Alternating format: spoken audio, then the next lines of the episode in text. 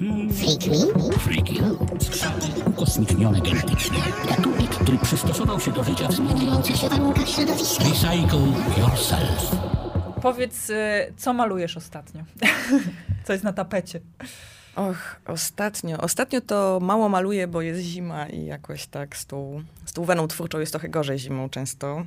Mm, ale muszę powiedzieć, że niezmiennie cały czas maluję zwierzęta. I to zwierzęta w kosmosie.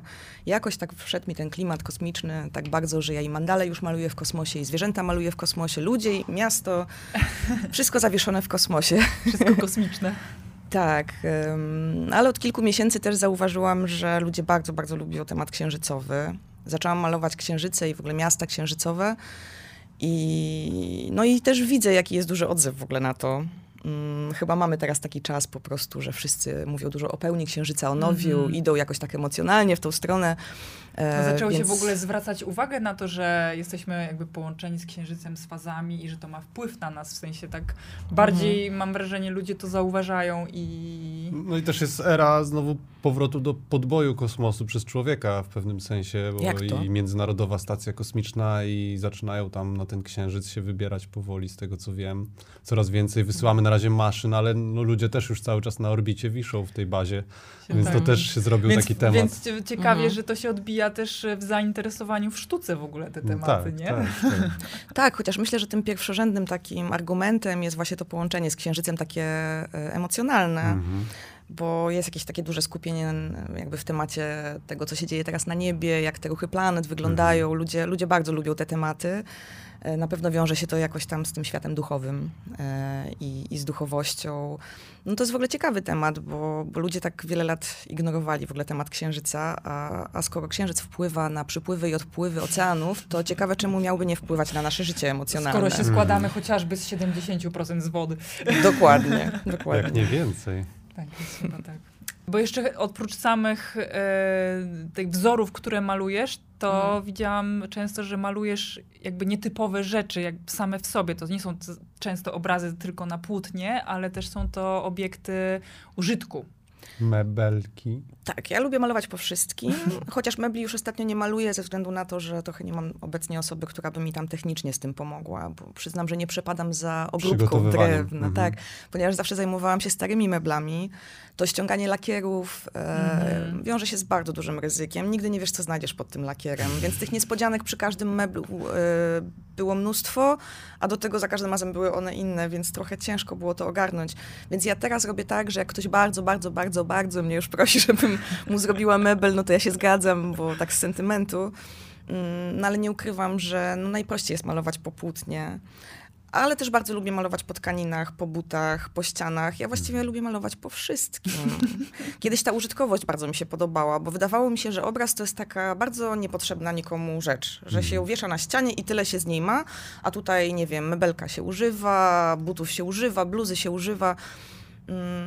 Ale potem trochę zmieniłam jednak zdanie, bo zaczęłam obserwować też różne polskie domy, pracując w galeriach sztuki różnych. Jeździłam po domach różnych ludzi, którzy chcieli sobie poprzymierzać obrazy do ściany.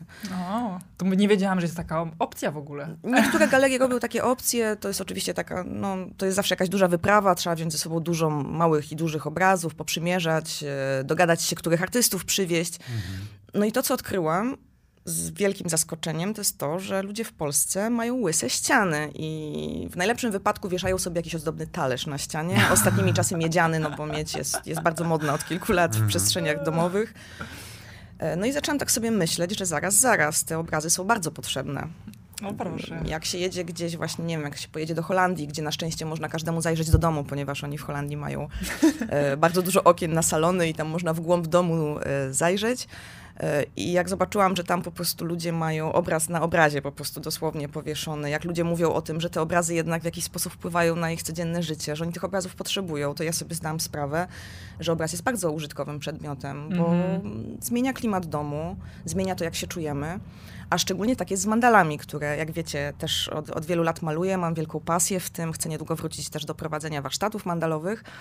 No i właśnie mandala jest takim przedmiotem bardzo mocno medytacyjnym, z którym można sobie też to pracować. Jest, to jest swego rodzaju technologia tak naprawdę, jakby podejść do, no, ja tak kojarzę właśnie różne też riantry i tak dalej, to -hmm. da się to zdefiniować jako swego rodzaju starożytną technologię właśnie służącą jakimś tam wglądom w głąb, że właśnie samo patrzenie w jakiś punkt na danej mandali może wprowadzić jakieś zmiany w percepcji ogólnie. I to nawet w pracy mózgu. Mm -hmm. dokładnie. I to, to nawet podświadomie po prostu jak się patrzy, tak jak właśnie powiedziałaś, że obraz jest e, e, przedmiotem użytkowym, to patrzymy na to codziennie, więc jakby to się nam mm tak jak się czyta napis, y, który się ma gdzieś tam, e, nie wiem, w kuchni leży jakaś ulotka i mhm. codziennie czy rano... Ludzie, czy jak się ludzie języków uczą, też oklejasz sobie mhm. wszystko, co jest Tak, co i się patrzy czym. i to się wry, potrafi wryć w mózg e, naprawdę mhm. bardzo mocno, więc tak właśnie taka mandala, nawet jak się nieświadomie na nią patrzy, to jednak też myślę, tak jak księżyc, po prostu na nas działa. Tak, no w ogóle, bo mandala przez to, że, kurczę, bo to jest w ogóle też taka długa historia, ale postaram się jej za długo nie opowiedzieć. Mamy Bo, czas. Tak jest. Jak zaczęłam malować mandale, to zaczęłam też e, dużo czytać o symbolice mandal, więc oczywiście najpierw trafiłam do Indii, później bardziej zafascynowała mnie święta geometria i sztuka mm -hmm. arabska przede wszystkim.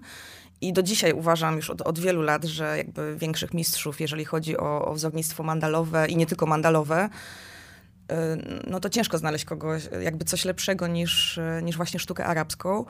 Mm, ale właśnie bardzo zaciekawiła mnie po pierwsze ta święta geometria, jak ona wpływa na głowę, ale potem też trafiłam na książkę e, Junga e, na temat malowania mandal.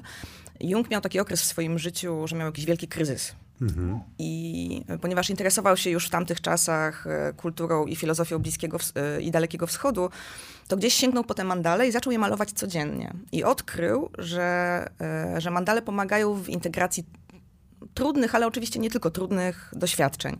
Że jakby zamknięcie, jakby zbudowanie tego zamkniętego koła i zawarcie w nim jakichś różnych symboli, które są dla nas ważne, powoduje pewną integrację psychiczną. Mhm. Ja też z tego powodu zaczęłam robić z ludźmi warsztaty, bo pomyślałam sobie, że można być może w ten sposób ludziom pomóc. Brałam do tego też e, psychologa, który pomagał ludziom potem zinterpretować te mandale. Świetne. I rzeczywiście działy się, słuchajcie, niesamowite rzeczy. Najbardziej niesamowite ta sytuacja była chyba taka, że przyszła dziewczyna, która miała nogę w ortezie, mówiła, że miała wypadek samochodowy kilka miesięcy wcześniej. I ona po namalowaniu mandali powiedziała, Luiza, ja w ogóle namalowałam swój wypadek. Ja nawet nie wiem, jak to się stało, bo, bo też malujemy tak bardzo intuicyjnie te mandale, układając te wzory.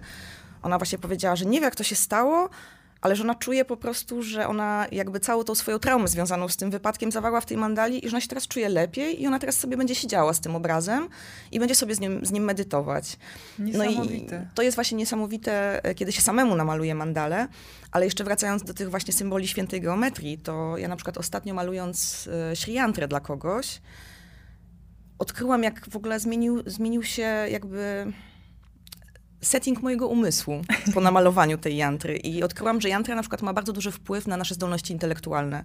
Mi się bardzo poprawiły właśnie te zdolności intelektualne po kilku godzinach tam siedzenia właśnie nad, konkretnie nad jantrą. Mhm. Więc też te symbole świętej geometrii mają e, bardzo różne funkcje. One są do odkrycia dla każdego, bo na każdego być może będą wpływały trochę inaczej ale na pewno warto się nimi otaczać. Mm-hmm. I dlatego też staram się je w tych mandalach jednak zawierać. Ze Szriantru jest w ogóle niezła historia, bo ona się w latach 90., chyba nawet dokładnie w 90 roku, pojawiła na jakiejś pustyni, trochę jak taki krąg w zbożu właśnie. Naprawdę? Tak, na jakiejś wow. takiej, gdzieś, gdzieś w Ameryce Północnej bodajże, to jacyś piloci jakichś myśliwców w ramach latania tam poligonowego mm. takiego e, zobaczyli to i to było niemożliwe, żeby to zrobił człowiek, bo to był teren bardzo restrykcyjnie objęty jakimiś tam strefami e, i, i nie było możliwości, żeby tam ktoś podjechał i właśnie idealnie Sri Yantra wtedy się tam za, zamanifestowała. Wow, uwielbiam właśnie te historie z tymi symbolami. Właśnie ze Sri mhm. też mam kontakt od lat, mam nawet wytatuowany fragment mhm. i to jest bardzo dla mnie ciekawy symbol. Jeden właśnie z takich ciekawszych, jeśli chodzi o, o, o to właśnie czy świętą geometrię, czy, czy mandale, czy właśnie tą technologię pracy z symbolami. To jest nie, mhm. niezwykły temat, bardzo bogaty. Ja z kolei mam największą słabość do symbolu kwiatu życia i hmm. jakby tak. dużo, dużo noszę. Akurat dzisiaj nie mam wisiora, ale zawsze mam na sobie wisior, wisior właśnie z kwiatem z kwiatem życia i ja tak czuję, że on mnie harmonizuje, tak emocjonalnie, mhm. że taką mhm. równowagę emocjonalną mi przynosi, kiedy też patrzę się na ten symbol. Więc to jest w ogóle niezwykłe, że no te, te symbole też są bardzo stare i myślę, że powstały nie bez przyczyny. No, tak samo jak hatha yoga e, uprawiana tak, jak się uprawiało tysiąc lat temu, niesamowicie w ogóle działa nie tylko na nasze ciało, ale też na naszego ducha, na, na nasze życie emocjonalne, to myślę, że też z tego powodu te symbole zostały stworzone i w jakiś sposób nam mają pomagać. Mhm. Więc dobrze się nimi otaczać, dobrze je malować, dobrze je dawać ludziom. Mhm. Ale też właśnie y, jak y, te, te, symbole, bo teraz zrobiły się bardzo popularne mhm. i też co chwilę, nie wiem, gdzieś mi się przewijają e, w różnych miejscach i z jednej strony mam takie zdziwienie, że one są aż tak popularne, a z drugiej mhm. strony za każdym razem jak widzę któryś z nich, to mam takie o, jakie ładne. Jak fajnie, Jak fajne, w sensie, że Ale one kwiat, tak działają. Kwiat, kwiat życia jest na przykład y, do znalezienia w wielu chatach w polskich górach. To tak, jest w tak. górale te symbole też mają przechowane do dziś dnia i korzystają z nich tak, w, zdobni, tak. w, w, ozdabianiu do tej pory. Więc I to, to tak nawet w komercyjnym jakie to jest uniwersalne, bo to właśnie no. ten, ten symbol mhm. akurat kwiatu życia to można znaleźć i w Egipcie w bardzo starych świątyniach mhm. e, i właśnie w krajach arabskich i to są mhm. najprawdopodobniej niezależnie one tak, się tam tak.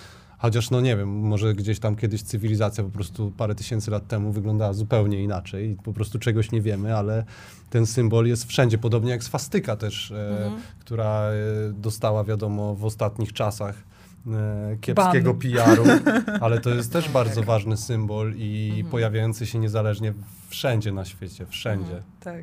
Tylko wiecie, ja wierzę w ogóle w tą świadomość zbiorową, mhm. bo ja też zaobserwowałam podróżując dużo po świecie swego mhm. czasu, że to takie ludowe wzornictwo, jakieś pasiaki, kwiaty, to wszystko jest bardzo podobne.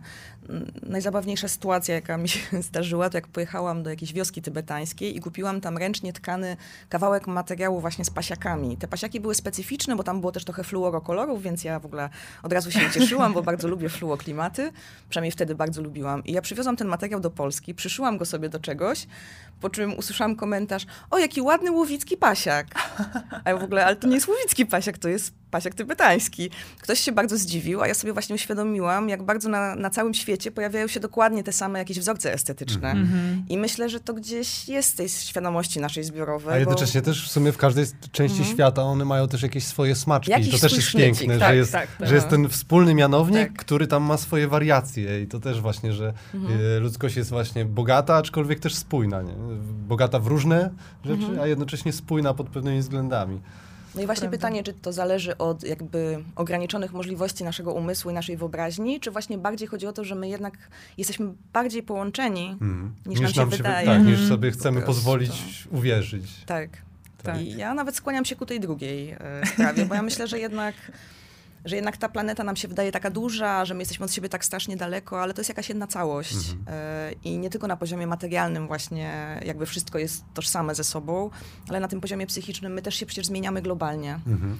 A przez to, że mamy duży przekaz informacji jednak od, y, od kilkudziesięciu lat, to, y, to jakby to też przyspiesza i może być nawet mocniejsze. Ale z tego, co kojarzę, kurczę, teraz nie przypomnę sobie chyba dokładnie, co to były za badania, ale chyba z jakimiś szympansami czy z jakimiś małpkami, gdzieś na jakiejś e, wyspie, na której one są oddzielone od kontynentów, nauczyły się jakiegoś tam skilla, już nie pamiętam, to chyba było e, używanie patyka do, nie wiem, otwierania czegoś, jakiegoś mhm. owocu i e, chwilę później zaobserwowano tą samą umiejętność u tego samego gatunku żyjącego na zupełnie innych w, w, zupełnie nie, nie połączonych terenach e, z tymi Że nie miejscami. mogli sobie mhm. przekazać Więc, jakby między uh osobnikami, tylko tak, nagle tak, po prostu nagle cały gatunek spłynęło, że nagle to był ten moment, w którym tak, one zyskały. Któryś wykombinował, a reszta przechannelingowała to. No dokładnie, to chyba jakiś channeling zdecydowanie.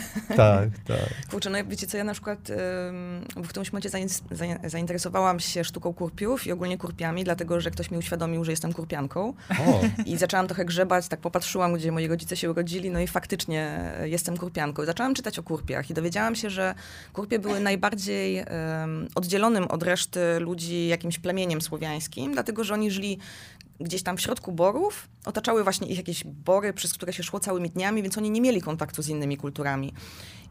I dużo się o nich mówi, że stworzyli bardzo unikatową sztukę. No ja bym powiedziała, że Kurpie raczej miały tą sztukę bardzo taką, no mało zaawansowaną estetycznie, ale jednak też widzę, że to wszystko jednak jest bardzo podobne do siebie. Oni też nie mieli skąd czerpać tych wzorów gdzieś tam z zewnątrz, stworzyli je sami, po czym to, co tworzyli, jest bardzo słowiańskie i, i bardzo podobne do tego, e, co tworzyły inne plemiona, właśnie mhm. gdzieś tam bardzo daleko od nich. Więc kurczę, no to połączenie jakieś no ciężko powiedzieć, z na, czego ono wynika my, my nic nie wiemy. Tak, w ogóle to jest tak. coś ciekawe, że nie potrafimy o tym nic powiedzieć. Jakby ludzkość bardziej właśnie interesuje się poleceniem na księżyc niż tak. zgłębianiem w ogóle tajników ludzkiego mózgu, co ja mam tak. wrażenie, że jest dużo ciekawsze. Mhm. Jakoś tak, nie wiem, może jestem dziwna. Mózgu, duszy, tak, w ogóle tutaj tak, jest wiele tych Te skale się tak. tak. trochę odnoszą do siebie, że może trochę odkryjemy w, szerszej, w szerszej perspektywie, dzięki temu lepiej zrozumiemy no tak, też ta rzeczywistość właśnie znowu wracając do Mandali ma te mhm. Cechy, nie? I to co, to, to, to, co na górze, to i na dole, to przecież w każdej religii znane, znane frazesy i mhm. coś w tym musi być. No, musi Ale być. to są bardzo, mhm. bardzo ciekawe rozważania i też właśnie to, co powiedziałaś o tej dziewczynie po wypadku, że ona jakby przeprocesowała to, co miała jakby w sobie. Gdzieś głębiej. I to, co ją mhm. bardzo uwierało, przelała mhm. to na tę mandalę i jakby poczuła ulgę, w sensie, że my potrafimy właśnie też e, skanalizować, skanalizować to i te emocje. Gdzieś się. W sensie pozbyć się właśnie, jak już mamy Ciężaru przeładowanie pewnego. systemu, no to pewnie mhm. to też wspomniałaś, że właśnie malowałaś e, dany wzór i, i to robiło tobie też jakiś porządek w ciele. Tak, bo ja w ogóle sobie myślę, bo właśnie te wszystkie traumy, które na przykład mamy, jeżeli już tak wracamy właśnie do takich przeżyć jak wypadek samochodowy, no to one gdzieś utykają w podświadomości. My na tym poziomie świadomym myślimy sobie, o dobrze, to było dawno temu, już to w ogóle nie ma mhm. znaczenia, ale w podświadomości różne rzeczy zostają i też w ciele różne rzeczy mhm. zostają, co jest w ogóle odkrycie mojego ostatniego roku, jak wiele emocji po prostu utyka na całe lata w ciele i ma wpływ na nasze życie, dopóki ich gdzieś tam przez ciało też nie uwolnimy. Więc mandale są jednym z takich narzędzi, do rozmawiania z własną podświadomością, bo my nie mhm. potrafimy się z nią skontaktować bezpośrednio. E, zrobiła nam to też kultura, cywilizacja, w której żyjemy, że właśnie pewne treści zaczęły być w którymś momencie spychane do podświadomości, bo tak sobie myślę, że człowiek pierwotny to z tą podświadomością takich kłopotów, jak dzisiaj my mamy, nie miał, tak. bo jego życie było prostsze i może tak bardziej bezpośrednio po prostu doświadczał rzeczy, bo też tego było mniej. My teraz jesteśmy bombardowani tak. non-stop treściami. Przebodźcowani. Które... Przebodźcowani, ja to się czuję totalnie przebodźcowana mhm. i tak mhm. czuję, że właśnie bardzo często nie ma już miejsca na integrację tego wszystkiego, co my każdego jednego dnia doświadczamy, tych wszystkich treści, w ogóle spotkań, zachowań, nawet tego, że wyjdziemy gdzieś na ulicę. Więc malowanie mandal jest zdecydowanie jednym z tych narzędzi do docierania do swojej podświadomości bo ja jednak szukam takiego klucza w tym malowaniu, bo tak, jest coś takiego jak malowanie intuicyjne, mhm. ale często ono się ogranicza do po prostu robienia plam na płótnie. Ja nie jestem usatysfakcjonowana przede wszystkim efektem e, malarstwa intuicyjnego. Estetyka. Tak, no bo to jest też, to jest, lubię abstrakcje, ale lubię abstrakcje, które są jednak gdzieś tam bardzo kontemplacyjne, gdzieś tam mocno przemyślane. Ludziom się też wydaje właśnie, że taka typowa abstrakcja to jest po prostu machnięcie pędzlami po płótnie emocjonalne. Albo zostawienie pustego płótna i tak, nadanie temu symboliki. Tak. Że, albo jednej kropki. Wszystko się już Albo jednej mentalnie, kropki. Tak. Tylko to już właśnie jest bardziej sfera jednak dla mnie sztuki konceptualnej niż tak, sztuki intuicyjnej. Więc ja gdzieś jednak uważam, że w tej mandali warto się troszeczkę jednak napracować mhm. i to też pomaga w takim kurczę, właśnie takim przestawieniu trochę pracy umysłu, że siadasz nad tym płótnem, wymyślasz sobie wzory, ja akurat je tworzę gdzieś tam na bieżąco, bo wolę jakby zamalowywać to, co mi się nie spodoba, niż siedzieć i wiecie, szkicować ołówkiem wszystko, bo nie lubię tego typu pracy. Wiem, że mandaliści tak robią, że najpierw tam rysują właśnie cały szkic, a potem zamalowują wzorki. No ja bym się czuła jak z czyjąś kolorowanką już mm -hmm. wtedy, więc ja jednak wolę tam sobie e, płynąć na bieżąco, ale jednak ubierać to na tyle skomplikowane wzory, żeby ten umysł zaczął myśleć o czymś innym niż o tym, że ja cokolwiek chciałam w tej mandali zawrzeć. Więc to sobie płynie, muzyka sobie płynie, ja tu się skupiam, a treści wychodzą. I potem jak powstaje całość, to ja dopiero zaczynam widzieć rzeczy. Niestety te moje mandale, które maluję na zamówienie, one trafiają dosyć szybko do klientów, mm-hmm. więc nie kontempluję ich za długo, ale jak mam jakąś mandalę sama w domu sobie czasami jakoś stworzę, no na przykład na, na moje urodziny ostatnie właśnie jantrę sobie stworzyłam, taką niedużą, powiesiłam w sypialni i codziennie rano się na nią gapię i po prostu ja czuję, czuję to działanie i ja czuję, że ja coś tam zawarłam, że, że, że tam są jakieś takie treści właśnie moje emocjonalne, bardzo ze mną bliskie, bardzo mi tożsame. I ja myślę, że z własną mandalą, czy z czyjąś mandalą tworzoną intencyjnie, bo ja też tworząc dla kogoś zawsze tak tworzę, żeby jednak tam zawrzeć jakieś takie elementy tej osoby trochę. Pytam o kolory, jakie lubi, patrzę na zdjęcia w internecie tej osoby, gdzieś tam się skupiam na tym. I myślę, że z taką mandalą można miesiącami pracować i wiecie co, odkrywać, myślę, że jakieś nowe pokłady rzeczy w swojej głowie po prostu. To już w ogóle jest na tylu poziomach, że nie dość, że twoje emocje, to jeszcze prze, przetwarzasz czyjeś... czyjeś właśnie upodobania, poglądy czy intencje i, i to już w ogóle się wtedy robi taki twór. Mm, ale wiecie, że to też w, wynika też z tego właśnie, że tak gadaliśmy o tej podświadomości zbiorowej. I ja bardzo często doświadczam czegoś takiego, że jak ktoś u mnie zamawia obraz i na przykład mówi mi właśnie, ja się zawsze boję tych zamówień, bo wiecie, potem może tak być, że o, nie spodobało mi się. Raz w życiu mi się zdarzyła taka sytuacja rzeczywiście, że malowałam bulteriera na jakimś meblu i to byli ludzie, którzy zajmowali się hodowlą bulterierów Aha. i oni byli zniesmaczeni moją wersją bulterierów, bo tak, wow. pysk nie jest równiutki, jak u rasowego bulteriera, tu jest źle, tu jest źle, nie podoba nam się. No to była jedna taka, taka Ale sytuacja. skończyło się na przeróbkach czy zupełnym odrzuceniu współpracy? Wiesz co, wzięli ten mebel, ale z taką jakąś okay. strasznie niezadowoloną Z dezaprobatą. No, a mi było oczywiście nie, przykro, bo człowiekowi jest przykro. krzywego bulteriera. No tak, no nie miał rasowego nosa po prostu, no, nie umiałam namalować idealnie rasowego nosa. Ale w większości jednak sytuacji jest właśnie tak, że spotykają mnie takie miłe niespodzianki. Ktoś u mnie zamawia obraz, jakby nie podaje pewnych szczegółów, ja robię to po swojemu i potem słyszę, kurczę, właśnie, właśnie to chciałam tutaj. W ogóle nie wiem, jak to zrobiłaś, ale, ale właśnie udało ci się to zrobić. I ja mam wrażenie, że to jest właśnie kwestia naszej otwartości na e, takie połączenie poza słowami trochę z ludźmi, że można kogoś nigdy nie spotkać, ale można go poczuć, bo mm. można oglądać jego zdjęcia, widzieć kiedy się uśmiecha, jakie rzeczy go uszczęśliwiają. Ja się trochę na tym skupiam. No, człowieka można poczuć i po jednej rozmowie, takiej właśnie samych Totalnie. tych ustaleniach, nie? Więc... Bardzo też, mądrze też. powiedziane. Niesamowita... Fajny w ogóle klucz do tworzenia. Tak, i właśnie mhm. taki, że nie to, że malujesz obraz, który ma się komuś po prostu spodobać, tylko właśnie jeszcze wnikasz w te. No ale to idealną też, przecież idealnym przykładem jest e, głowa smoka, którą pomalowałaś na Frika mhm. e, dla nas i tak, tak. To, to, się też... stało niemalże symbolem festiwalu. No stało się. Chcie, chcieliśmy przynieść go, żeby tu zaprezentować, tak, ale jest trochę duży. Jest trochę no i też troszkę mu się oberwało przy przenosinach z e, miejscówki, bo musi, musieliśmy mhm. wynieść Chcieliśmy w go odpiłować roku. w ogóle od całej to Ja wszystko sceny. odmaluję, jak już będzie No właśnie, właśnie mieliśmy z tobą zagadać, że mhm. trzeba go troszkę odnowić. Nie ma problemu. Trochę, mu, trochę problemu. mu się oberwało, tak. Ale jest e, wspaniały i właśnie jest wizytówką już e, na stałe. Tak. jak fajnie, jak fajnie. Dlatego tak, tak bardzo mam nadzieję, że Freak e, będzie, będzie w przyszłości i że będziemy go jeszcze robić razem. Na razie jest no. zawieszony, aczkolwiek, tak. aczkolwiek nie mówimy... Nie mówimy z, tak, ostatecznie nic, bo nigdy nic nie wiadomo, no ale właśnie mhm. czasy nie sprzyjają eventom. Tak. E, u nas też się te sytuacje pozmieniały. E, właśnie straciliśmy możliwość najmu tego ośrodka, w którym robiliśmy, więc e, mhm. trzeba było e, troszkę pozmieniać działania. Mhm. Możliwe, że się spróbujemy wziąć w garść i zrobić jeszcze raz taką jednodniową imprezę w tym roku. O, super. E, żeby jednak kultywować to, no bo do tej pory nam się udaje rok w rok coś, jakieś wydarzenie zrobić. To były dwa festiwale takie pełne i i ten zeszłoroczny właśnie jednodniowy i to całkiem fajna koncepcja, mi się to podoba, tylko mhm. zobaczymy, czy nam starczy energii i możliwości po prostu na to. Jasne. Ale chęci mamy cały czas, tylko tak. po prostu e, mhm. muszą się jeszcze stworzyć warunki do tego, albo my musimy na nie natrafić. No poza tym właśnie, teraz zyskaliśmy miejsce w Warszawie, więc też nam tak, to daje tak, jakieś, jakieś możliwości, może nie wielko imprezowe, ale warsztatowe jakieś. Tak, tak. No i właśnie mhm. w ogóle, żeby częściej się spotykać z ludźmi, z którymi działaliśmy chociażby też przy festiwalu, bo to było mhm. super wydarzenie, to już też zresztą chyba wspominaliśmy o tym i w podcaście, że, że, że świetne, ale właśnie jest to rok pracy e, w mniejszej grupie, żeby przez trzy dni się spotkać ze wszystkimi, których tak naprawdę nawet nie do końca spotkasz, bo nie masz kiedy z nimi porozmawiać, bo się realizuje całe wszystko. to wszystko, czego trzeba dopilnować.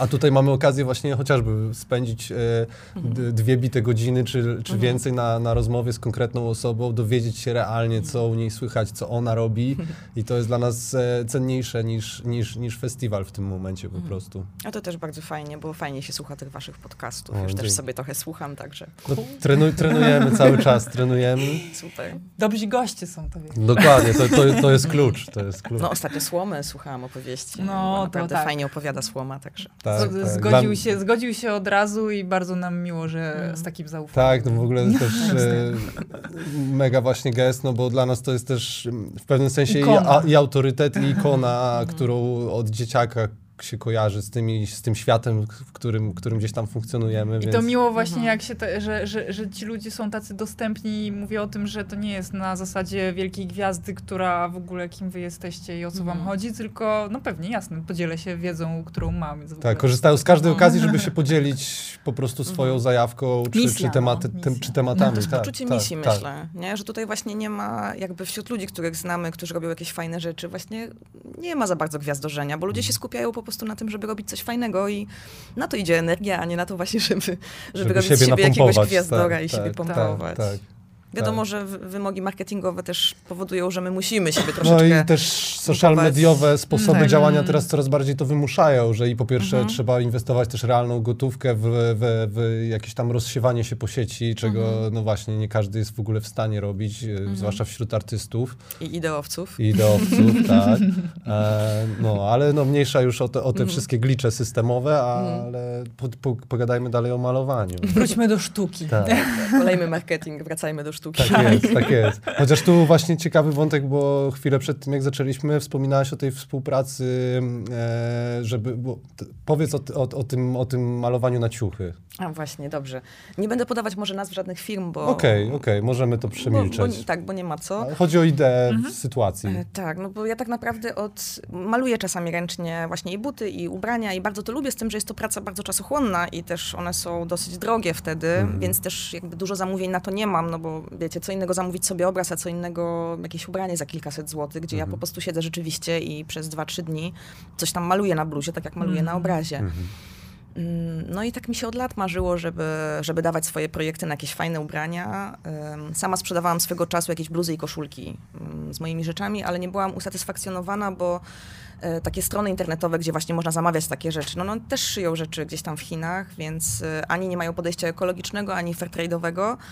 I to zawsze mnie gdzieś tam bolało. Nie byłam też zadowolona z modeli do końca. Chciałam, żeby to jednak ładnie się układało na ciele. Te, z których korzystałam, no nie najładniej się układały na ciele, bo parę sobie zamówiłam i nie byłam zadowolona i gdzieś to zostawiłam. Ale tak przez całe lata mi to gdzieś krążyło po głowie, więc y, jak poznawałam jakiegoś fajnego projektanta mody w Polsce, to gdzieś tam się odzywałam i mówiłam, słuchaj, jakbyś chciał, chciała, to ja bardzo chętnie. Ale prawda jest też taka, że, że szycie takie, mm, takie totalnie fair trade jest, e, jest w Polsce przynajmniej niemożliwe, no w tym sensie, że dużo moich znajomych, którzy starali się robić jakieś takie bardziej odleciane, fajne, autorskie rzeczy, tak naprawdę zamykają swoje szwalnie i zamykają swoje firmy. Aha, Mam takich to jest nieopłacalne. Tak? Mhm. No jest to bardzo trudny biznes, koszty są przede wszystkim olbrzymie. E, przykładem jest moja koleżanka, która szyła naprawdę w ogóle niesamowite płaszcze i kurtki, takie, że nie pomylilibyście je z niczym innym. A kto, kto kosmiczna, czy? E, nie, Moxos. A. Moxosu właśnie już nie ma, to jest też taka fajna dziewczyna, e, Gosia Knopik-Skibińska, która też jest po ASP łódzkiej, ona właśnie zajmowała się tkaniną, trochę malarstwem i takie bardzo odjechane rzeczy mhm. projektowała. Mm, no ale jej kurtki sprzedawały się powiedzmy na poziomie 800 tysiąca złotych. I ona mi powiedziała, dlaczego? Luiza, ja mam własną szwalnię w Polsce. Tkaniny kupuję tylko w Łodzi. Ja nie jestem w stanie tych kurtek taniej szyć, mhm. a ludzie nie są w stanie tyle płacić za moje kurtki, mm -hmm. bo ona też jakby jest w środowisku takim, że to nie są jacyś turbo bogaci mm ludzie, którzy, nie wiem, codziennie wydają tysiąc złotych na bluzkę, bo wiadomo, mm że tacy mhm. ludzie też, też są. Też. Mm, no ale jak się właśnie jest takim trochę bardziej alternatywnym i bezkompromisowym, to ciężko takie rzeczy sprzedawać. Prędzej no, kupisz bluzę w lumpie i do, do niej doszyjesz sobie, coś tak, albo... Dokładnie, czy sobie przerobisz, tak, zaniesiesz tak, do tak. krawcowej, czy do kosmicznej. Alternatywa w ogóle, się, w ogóle się opiera na DIY-u bardziej niż na właśnie wydawaniu kasy na te rzeczy jednak. No i poszukując takiej firmy, e, z którą chciałabym współpracować, nic właśnie nie, wymyśl- nie mogłam wymyślić przez kilka lat. I nagle stała się taka niespodzianka, bo kilka tygodni temu odezwała się do mnie bardzo duża firma odzieżowa. Ja oczywiście na początku się bardzo ucieszyłam, bo myślałam sobie, kurczę, nie dość, że sami się do mnie zgłaszają, to jeszcze mam szansę sprzedawania swoich projektów na całym świecie, bo okazało się, że jest to firma, która ma sprzedaż na 220 krajów. Global. Czyli w zasadzie na całym świecie. tak. I jest obecnie największą firmą odzieżową. Wow. No ale potem zaczęłam sobie czytać i zaczęło mnie tak gryźć sumienie, bo znalazłam informację o tym, że, no to, że to jest największy zaśmiecacz e, planety, jeżeli chodzi o branżę modową że bardzo wspiera tak zwaną szybką modę, czyli właśnie kupowanie tanich ciuchów, które po pięciu praniach robią się szmatkami i wyrzucamy je do śmieci. No, z, z, modowymi rzeczami też jest mega kłopot z farbowaniem w ogóle tych tkanin, z tego co wiem, mm, że mhm. bardzo tak. się zanieczyszcza rzeki w tych krajach mm. trzeciego świata, w których to jest produkowane. Bardzo i właśnie te tanie ubrania, one są farbowane w bardzo nieekologiczny sposób, mm. który jest po prostu tani, więc one nie dość, że są toksyczne dla nas, to jeszcze niszczą środowisko w miejscu, gdzie są szyte, I, czyli w tym I ludzi, którzy też to robią. Ludzi, którzy to robią, mm. tak, tak. Plus właśnie, jeżeli twój wzór y, jest na takiej szmatce, która się po pięciu praniach spierze, to, to jak, też, jak to świadczy mm, też w sensie, o, jako, no, ludzie tak. zaczynają no kojarzyć właśnie. trochę ciebie też z jakością tego ubrania, tak? tak? Z, czymś, z czymś kiepskim po no. prostu. Mhm. Wiecie, jeszcze miałam tu wizję, nie? że w ogóle y, jakby podchodzę do tej współpracy, po czym jadę na wakacje gdzieś do Azji, wchodzę do oceanu, a tam pływa jakaś moja, jakaś moja koszulka. Nie przeżyłabym tego. Tragedia, no. no. no chwała ci za to, że w ogóle myślisz o takich że rzeczach. Że w ogóle sprawdzasz takie rzeczy. I jeszcze w tych tak. czasach, kiedy wiadomo, że nie jest łatwo o, zarabianie i tak dalej, zwłaszcza przy tych twórczych rzeczach było kryzysowo przez ostatnie lata i mhm. E, to jest jednak kąsek, żeby po prostu też e, pożyć normalnie i tak jakby każdy z czegoś tak. musi funkcjonować i też nikt by ci mhm. na pewno nie miał za złe, gdybyś się zdecydowała na tę współpracę, ale jest to mega ładne, że, że starasz się myśleć o takich rzeczach. Kurczę, wiesz co, z jednej strony nikt by do mnie nie miał pretensji, z drugiej strony ja właśnie między innymi myślałam sobie o tym, że nie tylko ja sobie bym w oczy już nie spojrzała, mm -hmm, ale moim znajomym mm -hmm też bym w oczy nie spojrzała, mhm. bo wiecie, no, jeździmy na przykład na te same cateringi różnego rodzaju, Jasne. chodzimy na tego samego rodzaju spotkania, więc spotkaliśmy się na przykład na, na Litwie w, w ubiegłym roku na Gaia Gathering, gdzie ja było po prostu... Super. I by, było cudownie, no ale tam jest właśnie ten klimat, że człowiek leży i rozmawia z Matką Ziemią i Matka Ziemia mówi do niego, on mówi do Matki Ziemi. Póki mainstage nie gra. no tak, a tam w ciągu dnia, tam w ciągu dnia szatan nie wychodził tak, za DJ-kę, tak. dopiero wieczorem, bo ja się śmieję właśnie, że high-techy, które były na Gaia, naprawdę pokochałam dzięki Gai high-techy, ale jak dla mnie to tam szatan staje tak, tak, za DJ-ką. Dla, dla mnie też momentami było za mocno, za, za ale, ale, ale tak, ale miejsce niesamowite i właśnie do takiego mm pożycia w lesie, super. I ja też tam czułam, wiecie, czułam właśnie, że ci Litwini, oni mają to dużo bardziej niż my Polacy, bo u nas tak. też takiego gatheringu tak. czy festiwalu w ogóle nie ma w takim klimacie. Właśnie dla mnie Freak był najbardziej w tą stronę i dlatego szacun wielki za Freaka. No Freak bo... dużo czerpał z Dużo Gai, czerpał, tak, tak, tak, tak, tak. Rysia, Rysia się bardzo inspirowała z, e, też tutaj. Ale bardzo właśnie dobrze. z tym podejściem Litwinów to było widać, jak oni się zajmowali ogniem tam. To, o tak, to ładne. W sensie to widać, takie ceremonialne To jest jakieś bardzo. takie, tak, u mhm. nich bardzo za, za Y, głęboką... No i też ten kierunek dekorowania właśnie bez przywożenia sztucznych materiałów, robienia mhm. specjalnie jakichś piankowych dekoracji, czy, czy jakichś plastikowych różnych patentów E, tylko właśnie wszystko z, z, e, z bioproduktów. No tak, jak się nasiąknie no. takimi ideami, no to potem ciężko nie spojrzeć, co stoi za firmą, która o, otóż prezentuje. To, otóż to, tak, ale, ale, tak, ale, tak, ale tak chciałem właśnie. zaznaczyć to, że, że, że właśnie, że mimo wszystko to myślenie wciąż jest bardziej chlubne i trzeba je doceniać, bo jak najbardziej. wciąż jest, jest masa łatwe. ludzi, którzy,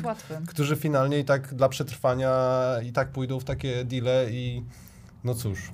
Może teraz powiem coś trywialnego tak w kwestiach ideologicznych, ale jednak mam podejście, że kurczę, no jak, jak już będę umierać kiedyś tam, to naprawdę bez znaczenia będzie to, ile zarobiłam pieniędzy mhm. i jak bardzo luksusowe miałam życie. Myślę, że zupełnie inne rzeczy będą miały znaczenie i e, ludzie o tym zapominają i im się wydaje właśnie, że tutaj, że podstawą jest zadbanie o swój byt. I ja też całe życie większość życia tak myślałam, rodzice też mnie tak wychowali, że no, najpierw tak, tak. zadbaj w ogóle o finansową to jest bardzo stronę. Mocne wychowanie, tak, mm tak, mhm. tak. Tak, to jest no. też wychowanie pokolenia naszych rodziców, tak, którzy po tak, tak. prostu, y, ponieważ urodzili się w czasach powojennych, żyli w takiej biedzie często, bo moi rodzice żyli w, w, w, bardzo dużej biedzie oboje jako dzieci, no że dla nich jakby to był jakiś tam priorytet i jakby całe życie to był dla nich pewien priorytet. Ale ja jednak tak sobie myślę, wiecie, ja nie mam też dzieci, nie mam właśnie rodziny, nie muszę się martwić, że ja nic dzieciom nie zostawię. I ja odpowiedzialna tylko za siebie w tym świecie, czuję, że ta odpowiedzialność właśnie nie dotyczy tylko mnie. Po prostu, że. Ale to jest świetne. Ja tu jestem tylko tak. na chwilkę, tak naprawdę. Wszyscy tu jesteśmy tylko na chwilę, a ta planeta tutaj zostanie. I pytanie, co my po sobie zostawimy? Czy zostawimy ładne obrazy y, i jakieś fajne podejście do rzeczywistości, którym też zarażamy innych? Czy kurczę, wyprodukuje milion ładnych, szybko niszczących się ciuchów, które wylądują w naszych oceanach, nie? Tak, tak, tak. Ale bardzo mi się spodobało to, co powiedziałaś, że jesteś odpowiedzialna tylko za siebie, więc jesteś odpowiedzialna za wszystkich. W sensie, mm. że, że jakby możesz sobie pozwolić, nie wiem, czy to można nazwać luksusem, to powinna być jakaś podstawa w ogóle bytowania, że myśli się o wszystkich, ale bardzo często właśnie ludzie, którzy uważają, że są przyparci do muru bo kredyt, bo dzieci, bo coś tam, mm. decydują się na różne kroki i absolutnie nie oceniając tego, bo każdy jakby ma swoje problemy, swoje życie i sobie mm. z nimi różnie radzi, ale... I finalnie nie wiemy niczego, jak już tu Tak, tak dokładnie. Ale, ale właśnie sa, sama taka odpowiedzialność, że w momencie, kiedy nie masz takich tych e, właśnie rzeczy typu dzieci, kredyt, bla, bla, bla, mm. to możesz pomyśleć o wszystkich no mam na to przestrzeń I, i, to jest luksus w dzisiejszych czasach i ja sobie zdaję sprawę, w jak bardzo luksusowych warunkach żyję. Oczywiście wszyscy moi znajomi, którzy mają dzieci, bardzo się cieszą, że je mają i są szczęśliwi, mhm. spełniają tak. się, bo to jest jakby, to, to, to była ich misja na życie, właśnie spłodzić swoich potomków i niech im tam będzie. tak. Ale tak sobie właśnie myślę, że mm, teraz w ogóle też w czasach covidowych, które wywołał, mm, jakby czasy covidowe wywołały bardzo na wielu polach różne kryzysy właśnie i w rodzinach, i, i finansowe, to mi jest często szkoda w ogóle wielu osób, bo wiele osób wylądowało w jakiejś tam trudnej sytuacji. Wiele osób e, poczuło, że nie jest pewna, czy dobrze zrobiło, że ma te dzieci, mm -hmm. bo na przykład ma małe dzieci, a, a, ludzie zaczynają się bać, że za 50 lat to po prostu tutaj będzie taki kataklizm i koniec ludzkości, że te dzieci tego dożyją. To Nicole chyba wspomniała o takim terminie depresji klimatycznej, dobrze pamiętam? Jest tak, coś depresja takiego. u dzieci mm -hmm. to jest raz, ale też właśnie dużo konfliktów w rodzinie się pojawiło przez to, że mm. jakby było więcej stresu. I ludzie byli zamknięci ludzie byli razem. zamknięci razem. To, to i... najgorsza rzecz. To nie jest do końca naturalne. Tak, tak, tak, tak, tak, tak. Więc jakby faktycznie tu się, tu się pojawiło dużo nowych problemów, których nie było, bo tak to się mhm. wyganiało wszystkie dzieci na podwórko. Właśnie kiedyś były inne czasy. Inne czasy. No nasze nasze czasy to były właśnie siedzenia na, w blokach, w sensie na blokowym podwórku, gdzie tak. były wszystkie no mnie dzieciaki. To, mnie to od lat już no. dobija, że wszystkie osiedla teraz się budują na te getta, że masz tak, dosłownie bramę, no. kod, jeszcze najlepiej ochroniarza na wejściu mhm. i nie, będąc dzieciakiem z osiedla obok, już często nawet nie masz szansy stworzyć tej relacji z dzieciakami mhm. z drugiej strony ulicy, albo jest to właśnie wszystko takie na sztywno, że jak przyjdziesz do kogoś w gości, to musisz najpierw pokonać trzy bramy i ochroniarza, a dopiero mhm. potem wejdziesz e, i nie ma biegania po podwórkach, poznawania w ogóle jakiejś okolicy swojej. Nie ma, I uważaj na nie, obcych, bo nie masz swoich kocich, Tak, nie masz swoich kocich ścieżek, bo musisz iść tylko głównymi ulicami, bo nigdzie nie skręcisz w, żadne, w żadną bramę, dlatego ta Praga mi się tak podoba, bo tu ciągle jeszcze jest troszkę jednak mhm.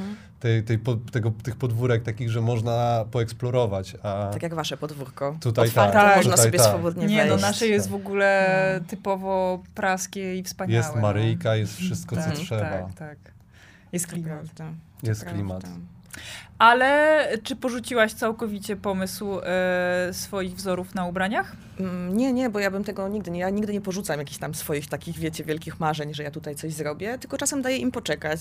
Ale tak naprawdę jak zrezygnowałam z tej współpracy, to mi się przypomniało, że właśnie niedawno otworzyła się, bo chyba od kilku miesięcy dopiero funkcjonuje taka polska firma, która szyje w Polsce, kupuje tkaniny w Polsce, oczywiście one są odpowiednio droższe, ale mi naprawdę nie zależy na tym, żeby produkować bluzy za 50 zł ze swoimi wzorami, bo to też właśnie jest kwestia jakości, właśnie też toksyczności tego tak. farbowania, tak. to też wpływa na naszą skórę i na wszystko.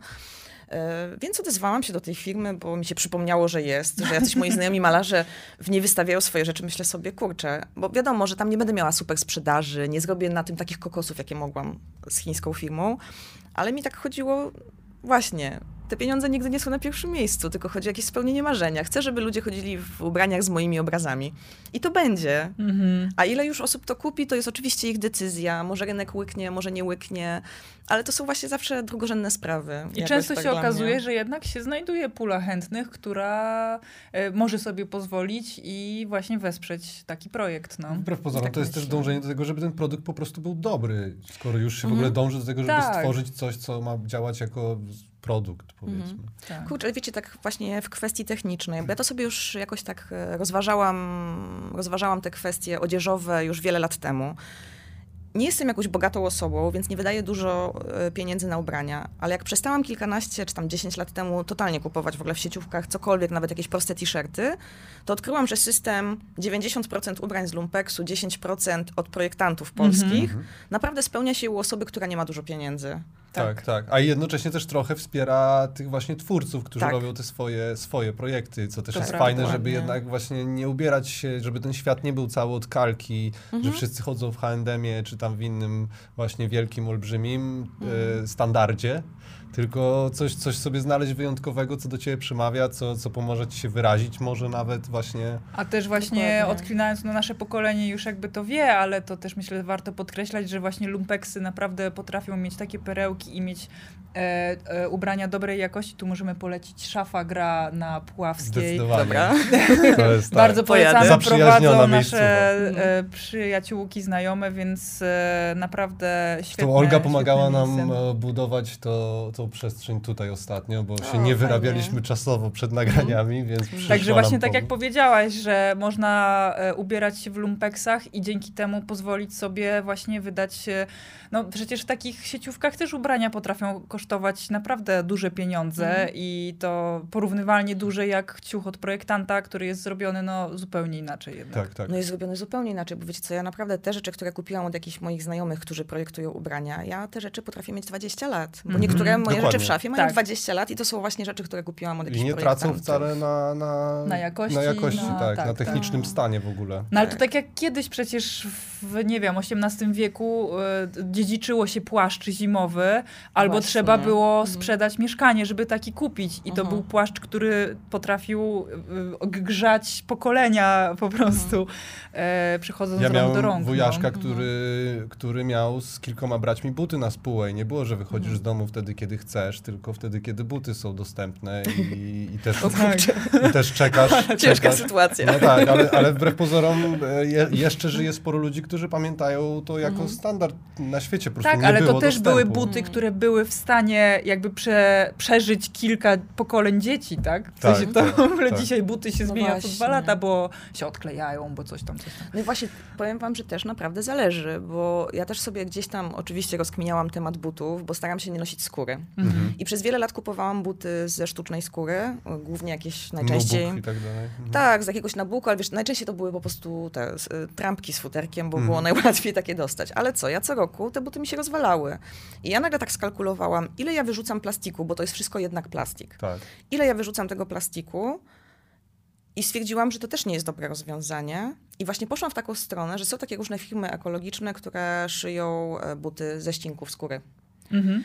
I są to firmy, które szyją te buty za bardzo duże pieniądze, ja sobie jedną parę takich butów kupiłam i wiecie co, ja już piątą zimę w nich chodzę. Mm. I one mają potencjał do y, bycia jeszcze ok, przez, bo nic się z nimi nie mm -hmm. dzieje. Poza tym, że trochę wiecie, ten kolor wypłowia. Ale takie rzeczy też można sobie zregenerować. Są i Dokładnie. pasty, i właśnie tak. Są też firmy teraz, które to robią. No nie? nie? Moi znajomi we Wrocławiu taką fajną właśnie małą firmę otworzyli, oni są w stanie każde buty po prostu odnowić. O. Nie? Wszystko są w stanie z nimi zrobić, także... Też dobrze um, znać takie miejscówy. Tak. tak, tak. A naprawdę są firmy, które to robią w, w zarąbisty sposób. Więc ja tak sobie właśnie myślę, że właśnie, bo ekologia to jest taki trudny temat, bo naprawdę trzeba dużo wiedzieć. Dużo jest tak zwanego greenwashingu, mm -hmm. czyli właśnie e, słomki, o, to jest w ogóle dla mnie szczyt wszystkiego. E, jak byłam dzieckiem, to słomki były ze słomy. Tak. tak I kosztowały tak. grosze. A Też pamiętam. One jeszcze tak trochę śmiesznie zmieniały smak e, delikatnie napoju, tak, ale, tak. ale to, ja to lubiłem. No to właśnie. miało, miało klimat. Co więcej, miało przecież klimat. słomka wzięła się od, od słomy. słomy. No od czegoś innego. No ale słuchajcie, teraz jak wejdziecie w internet i znajdziecie słomki ze słomy, to w ogóle za ileś tam niedużo sztuk płacicie tam 50 zł, nie? Mm. No i to są takie absurdy, że nagle co, coś, co tak naprawdę w produkcji nie jest jakieś kosztowne, mm. nagle kosztuje nie wiadomo ile, tak. I plastikowe są dużo tańsze. I, i to są takie absurdy. No tak, właśnie, bo tak, słoma tak. to jest odpad przecież. No, to, no też często używany do bardzo wielu dziedzin i, przez i rzeczy. Wieki, tak, przez wieki ale... znalazł mhm. zastosowania. No, ludzie recyklingowali właśnie wszystko, mm, jak tak, leci. Tak. Więc... No ale właśnie no. teraz jakby kombinowanie, że o, pamiętam jak była cała dyskusja o słomkach, że nie może już być plastikowych słomek i nagle świat zadrżał. O Boże, to z czego my będziemy pić? No, no, I no. nagle właśnie się pojawiło no, mnóstwo, słomek nie ma. mnóstwo pomysłów ale z tymi... sztućce zrobili, ja na przykład jestem e, zadowolony z tego, jak działają te sztućce z kukurydzy. One są najfajniejsze, no, tak. no te kukurydziane znaczy, To jest super, lubię. ale właśnie jeżeli chodzi o słomki, to jako pierwsze w ogóle pojawiły się słomki papierowe, które są, są beznadziejne. beznadziejne tak. są, nie nadają tak. się absolutnie do bycia słomką, a ta tak. słomka, która jakby powinna się narzucić ze słomy po prostu jako mhm. pierwsza, To, na, to Jakoś to, nie przychodzi ludziom do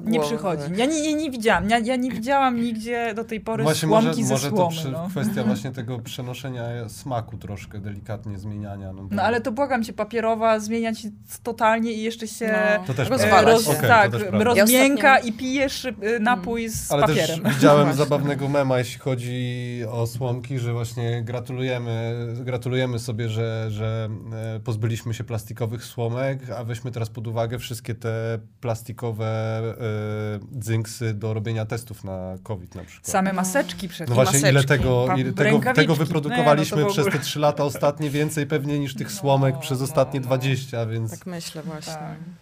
No i Ale co chwila tak. borykamy się z takimi Tak, właśnie tak. kolejna zagwozdka. I ile tak. trzeba siedzieć i rozkminiać, jakie jest najlepsze I rozwiązanie. Kto ma na to bo... czas? I wiesz, też nie ma idealnych rozwiązań nie, tutaj. No Człowiek nie chce tak, nosić tak. skóry, ale okazuje się, że się nie da jej nie nosić, e, bo się za dużo plastiku produkuje, bo, -hmm. no nie wiem, nie próbowałam jeszcze butów z ananasa. One są o, też, też słyszałem o tym, o tej skórze ananasowej, tak, tak, tak. Więc ja pewnie spróbuję następnym razem, bo moja grzanka testowała i też mówiła, że już trzecią zimę nosi buty właśnie okay. ze skóry działają. ananasa. I działają. No A jest polska firma, jeszcze, która je robi, Bo to jeszcze też materiał też jest trochę drugorzędny, bo to też kwestia, jak się ten materiał złączy z podeszwą i tak dalej, i tak mhm. dalej. To, to, to też wszystko y, ma wpływ na, na to, jak to długo przetrwa potem. Poza tym teraz, mhm. no właśnie, jest tyle kombinowania i pomysłów, że jak one się y, rozpowszechnią, to no, sama skóra z grzybów hodowana, tak, może być po prostu przełomem, który jak mhm. stanie się dostępny ogólnie dla ludzi, no to Czemu nie? Tylko kurczę, wiecie, właśnie te wszystkie pomysły są jakby stopowane, bo też ja wiem, że mm. chyba na Politechnice Wrocławskiej albo Warszawskiej jakaś dziewczyna odkryła świetną alternatywę, alternatywę dla torebek foliowych. One chyba z warzyw, czy z obierek w ogóle nawet mm -hmm. są wow. robione i ona w ogóle to opatentowała. Minęło kilka lat, Cisza. Mhm. Nikt się za to nie bierze, bo to jest pewnie problem tego, że jak już są duże fabryki produkujące plastik, to przestawienie tego wszystkiego kosztuje tyle, że te firmy po prostu no mówią tak. nie. Że to mhm. się nie opłaca nam. W, krót, tak, no. w krótkoterminowej skali. Tak. Mhm. Tak, to można by ciągnąć i ciągnąć e, te rozważania, natomiast ja bym jeszcze chciała mhm. e, cię podpytać o Aikido, bo to mhm. oprócz chyba e, malowania sztuki i e, tych artystycznych wszystkich twoich zajęć jest e, pasją, miłością numer dwa. No, przyznaję. I jest to też dla mnie do dzisiaj wielkie zaskoczenie, bo ja się zupełnie tego po sobie nie spodziewałam. Mm, no, powiem wam, że bo ja w ogóle o Aikido już zaczęłam myśleć jakieś 8 lat temu. Nawet ostatnio gdzieś znalazłam jakąś informację, że poszukiwałam właśnie gdzieś na Facebooku, widziałem, poszukiwałam w ogóle Aikido w Warszawie. Mm, bo tak czułam, że mam dużo też takiej jakiejś złości z przeszłości. No wiecie, jak to wszyscy mamy jakieś procesy z rzeczami, głównie z dzieciństwem, więc ja miałam bardzo dużo nagromadzonej złości w sobie. I ktoś mi nawet powiedział, że mm, sztuki walki to chyba dobra rzecz dla mnie, nawet na jakiś czas, żebym ja tam trochę powywalała tej energii, która właśnie jest w ciele skumulowana. I miałam, słuchajcie, taką niesamowitą sytuację, że trafiłam do fizjoterapeuty. Leżę na tym łóżku fizjoterapeutycznym i widzę wielki baner z tym właśnie człowiekiem, który właśnie się zajmuje moją rwą kulszową, e, że aikido. I tak mówię, kurczę, aikido? To ty uczysz aikido? To ja przyjdę. No i słuchajcie, jak przyszłam, to od pierwszych zajęć to po prostu była miłość od pierwszego wejrzenia. Do dzisiaj nie wiem do końca o co chodzi z tym, ale wiem na pewno, że na początku chodziłam na aikido rzeczywiście z bardzo skumulowaną w sobie złością na różne tematy. Niestety najbardziej doświadczyli tego moi partnerzy w ćwiczeniu Aikido, bo ja w ogóle tak jak przyszłam, tak zostałam, y, dostałam ksywę krwawalu i wszystkim wykręcałam nadgarstki, bo w Aikido generalnie chodzi, bardzo, dźwignię, bardzo tak. dużo jest tak o, o tą właśnie o tą dźwignię, w różne strony się te ręce wygina, gdzieś tam te łokcie, wystarczy mały ruch i ktoś już tam leży i krzyczy, więc ja po prostu doprowadzałam do krzyku na początku bardzo dużo osób i oczywiście na początku to było takie wow, jak ja szybko łapię to Aikido, ale tak naprawdę po wielu miesiącach zrozumiałam, że, że właśnie robiłam to, czego w Aikido nie należy robić, bo w Aikido zupełnie o czym, o co innego chodzi i mi to też mój sensei tłumaczy, że podstawą Aikido jest miękkość mhm. i Aikido uczy tej miękkości. I jak już człowiek właśnie, bo, bo, ja mam wrażenie, że też nie jestem jedyną osobą, która idzie na sztuki walki na początku z jakby du dużą złością gdzieś tam nagromadzoną przez lata, z jakąś tam, z jakimiś takimi rzeczami właśnie do, których nie da się tylko wykrzyczeć, ale trzeba je też przez ciało jakoś przepuścić.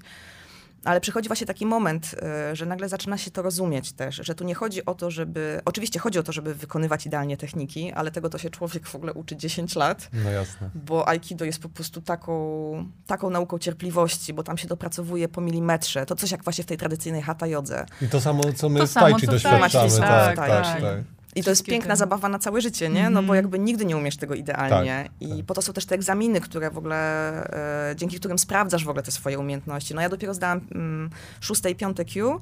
Do czwartego nie podchodzę, chociaż jest za dwa tygodnie egzamin e, u nas w Dodzio, ale no to one może się nie, jestem nie, nie chronologicznie realizować, Nie, nie, tak? one idą od, właśnie od góry do dołu. A, okej, okay, dobra, dobra. Jakby im, niż, im mniejszy numer, tym jakby masz lepsze Q. Okay, okay. Ale potem jak już dojdziesz do pierwszego Q, to potem przechodzisz na pierwszy dan, no i już wtedy normalnie idą te numery do góry Aha. aż do dziesiątego.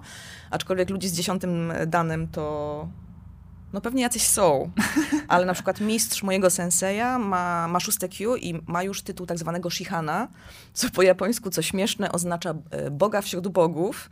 Wow. E, ale jest to takie bardzo na wyrost i właśnie mamy, mamy bardzo fajnego mistrza, e, który jest pochodzenia japońskiego, nazywa się Haruo Matsuoka i ma swoje dojo w Kalifornii. I my też często bierzemy udział w zajęciach online właśnie z nim, bo od kiedy zaczął się COVID, to na szczęście Matsuoka zaczął też nauczać online, więc możemy czerpać ze źródła. A co ciekawe, też Matsuoka, który też stworzył swoją własną organizację w ogóle, do której my należymy, bo są różne organizacje w ogóle aikidockie i te takie najbardziej popularne mają jeden rodzaj aikido. My jesteśmy mniejszą organizacją, jesteśmy trochę z boku, dlatego że mamy trochę inną tradycję. Bo Matsuoka w ogóle jest y, z tej samej szkoły, co Steven Seagal. Aha, aha. Nawet obydwaj razem występowali w filmach i w ogóle Matsuokę można zobaczyć w filmach wow. Stevena Seagala, co jest w ogóle takim zabawnym Smaczkiem. wątkiem w ogóle w tym wszystkim. Ale właśnie ta moja organizacja różni się od innych tym, że jest takim w ogóle powrotem do takiego bardzo tradycyjnego aikido. Bo obecnie jest tak, że w tych szkołach aikido uczy się tak bardzo pokazowo. I dlatego jak często rozmawiam z ludźmi, to słyszę, że a, te techniki w praktyce to się nie sprawdzają. Mhm. Wy to tam tylko efekciarsko latacie, robicie obroty w powietrzu i to jest wszystko, że to jest taka ściema i że prawdziwe sztuki walki to jest karate i kung fu. Mhm. No a właśnie my jesteśmy w takiej szkole, w której my się uczymy takiego tak zwanego aikido ulicznego i jesteśmy właśnie z tej tradycji Stevena Seagala właściwie, który w filmach bardzo pokazywał, jak bardzo praktyczne jest aikido. Mhm. I my takiego praktycznego aikido właśnie się uczymy, czyli e, mój sensei zwraca uwagę na to, żebyśmy my umieli się realnie obronić. Pokazuje różne fajne też patenty dla kobiet, jak chociażby mały paluszek, mm. za który jak złapiesz nawet największego faceta, to on wyląduje na kolanach pod twoimi nogami w sekundkę. Czy tam uderzenia właśnie na gardło, jakieś takich rzeczy się uczymy. No ale jest to właśnie takie dwa razy w tygodniu przez dwie godziny staramy się w ogóle w ciszy, w tak zwanym skupieniu po japońsku mokuso. E, staramy się po prostu dopieszczać te wszystkie techniki. I robi się z tego piękna medytacja w ruchu, co też znacie na pewno z tak, tai chi, tak. że to jest po prostu medytacja. Bo są różnego rodzaju medytacje, są też osoby, które są takie bardzo spokojne, fizycznie i gdzieś tam mentalnie i dla nich medytacja zen jest super i w ogóle każda medytacja siedzona będzie super. Ja dostaję szału przy, przy siedzeniu medytacyjnym, chyba że jest to medytacja prowadzona, jak kiedyś na Laya Yoga chodziłam. Laya Yoga to jest y, no, bardzo niepopularna metoda medytacji, równie stara jak Hatha Yoga. Dla mnie statyczną medytację mhm. pomogło mi przebrnąć medytacja stojąca, bo to było dla mnie dużo łatwiejsze niż odnalezienie sobie pozycji siedząc mhm. i to też ciekawostka, ale to o, też to tak ciekawe. naprawdę ta stojąca też potem się okazuje, że ona jest bardzo dynamiczna, bo tam w ciele się dzieje tyle, że e, czy tam mhm. w ogóle taka statyczna mimo wszystko, no tak, to są mm, no, bogate wątki. też jakby, no w sensie tu też się cały czas dzieje. Tak, tak, tak ale właśnie, ale właśnie przy stojącej dużo hmm. łatwiej mi to było zroz, zrozumieć w pewnym sensie, w ogóle zacząć, zacząć tego doświadczać. Mhm. Kurczę, nie próbowałam stojącej, może to jest polecam, coś polecam. do, coś do Pozycja drzewa. A to w pozycji drzewa mi się zdarza, bo bardzo ją lubię. A tak, myślałam, że tak. A nie, to już, bo to, to jogowa. Wow, to... medytować w pozycji drzewa.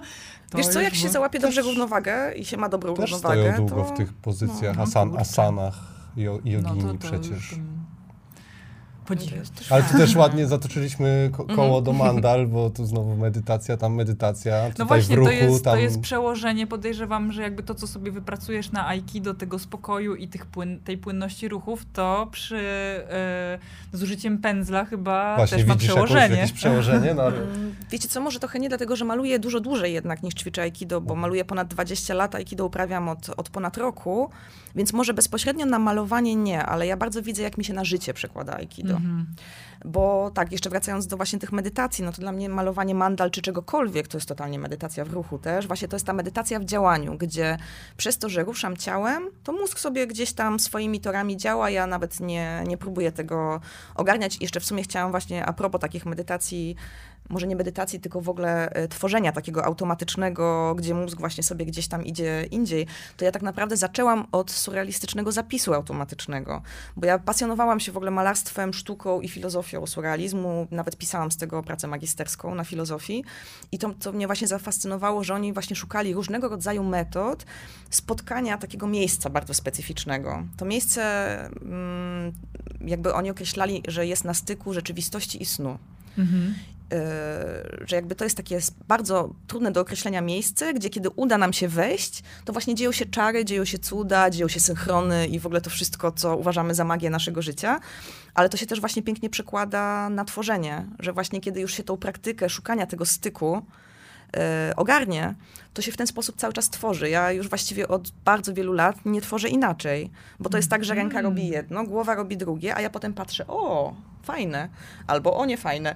I Ale jaka, jaka, to jest, jaka to jest metoda? W sensie, że nie wiem, musisz sobie, jak w ogóle dojść do, do, do tego, do tylko tego praktyką, stanu? Tylko praktyką. Ja po prostu przez wiele lat pisałam teksty metodą zapisu automatycznego. I co, i co, co to, jak to się robi? To robi się w ten sposób, że ty piszesz, ale starasz się w ogóle nie myśleć, o czym piszesz. Ja wiem, że to dziwnie brzmi, ale kiedy się dużo tego robi, to w końcu to wchodzi, wiecie? Bo ja też na początku podeszłam do tego na zasadzie, dobra, spróbuję, ale nie ogarniam o co chodzi.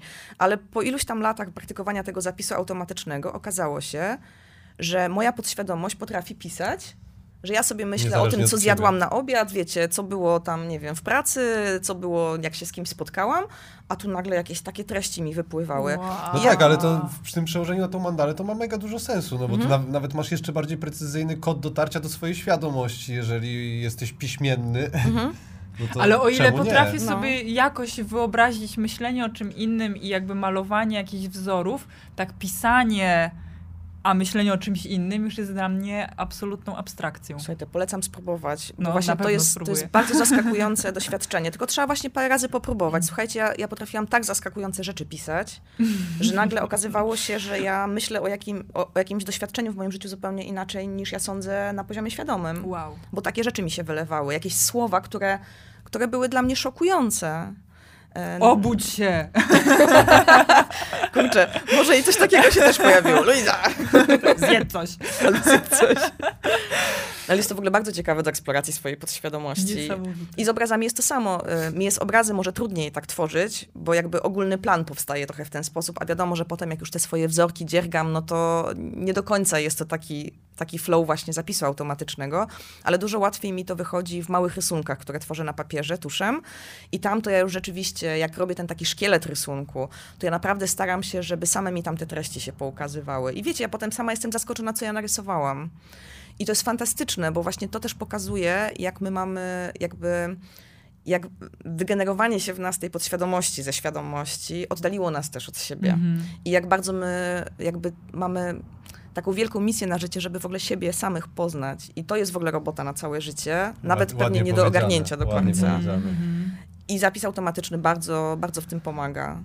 I w ogóle, że właśnie musimy się nauczyć tych metod i wypracować te, te wszystkie schematy, jak y, pogadać samym, samemu ze sobą, tak? Że to, co mm. nam mhm. się wydaje, że rozmawiamy ze sobą w takiej na przykład gonitwie myśli przed zaśnięciem, co czasami nas, mm. że jeszcze powinnaś zrobić to, a to powinnaś zrobić inaczej, i taka to mhm. przeanalizowywanie, to wcale nie jest rozmawianie ze sobą, no nie, tylko... Tylko pęd umysłu, którego jeszcze ciągle nie jesteś w stanie wyhamować, a się wyciszyłeś i go tak. bardziej słyszysz. Tak, tak a to, i to cię wręcz bardziej... jak pociąg. Tak, tak, i to cię nawet oddala od tego, tak. co, co ci potrzebne tak naprawdę. No. No, Można się właśnie zagubić wręcz.